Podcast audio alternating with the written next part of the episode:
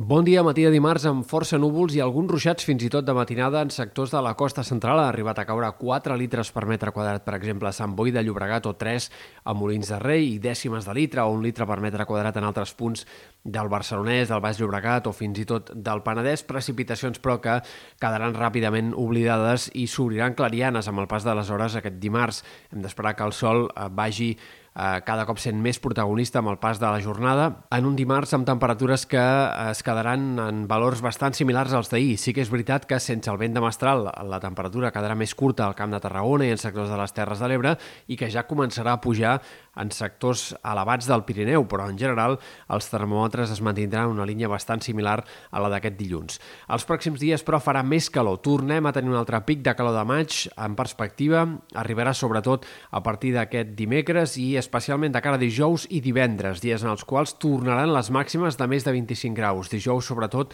en comarques interiors i prelitorals, però divendres fins i tot a la costa, a causa de l'entrada de vent de ponent que tornarà a haver-hi, especialment en comarques del litoral sud. Per tant, nova situació de temperatures de calor clarament avançada per l'època. Això sí, sembla que s'estroncarà aquesta calor sobtadament al cap de setmana, a partir de dissabte a la tarda i de cara a diumenge, i, de fet, a hores d'ara, els models de previsió apunten a un inici de Setmana Santa amb temperatures molt més moderades, com a mínim normals per l'època, i si tenim en compte que venim d'un mes de març amb molts pics de calor,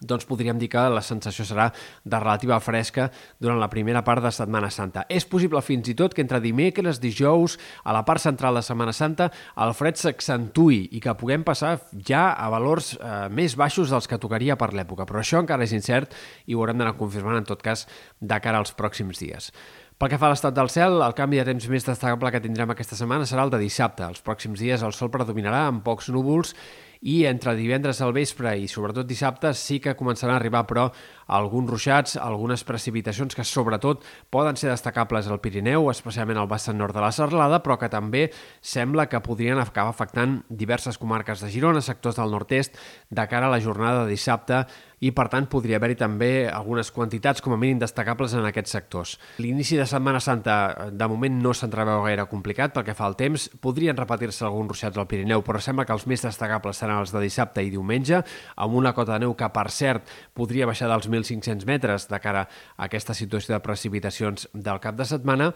i per tant, doncs, la primera part de Setmana Santa, com dèiem, a un temps que no s'entreveu gaire delicat, potser amb alguna repetició de ruixats al Pirineu, però sembla que precipitacions no gaire destacables, i en general, com a mínim fins dimecres, és poc probable que hi hagi eh, cap situació de precipitacions mínimament extenses. Eh, tot i així, hi ha incertesa de cara a la segona part de la setmana i, per tant, encara és poc clar com serà el temps a partir de dijous i de cara als dies festius.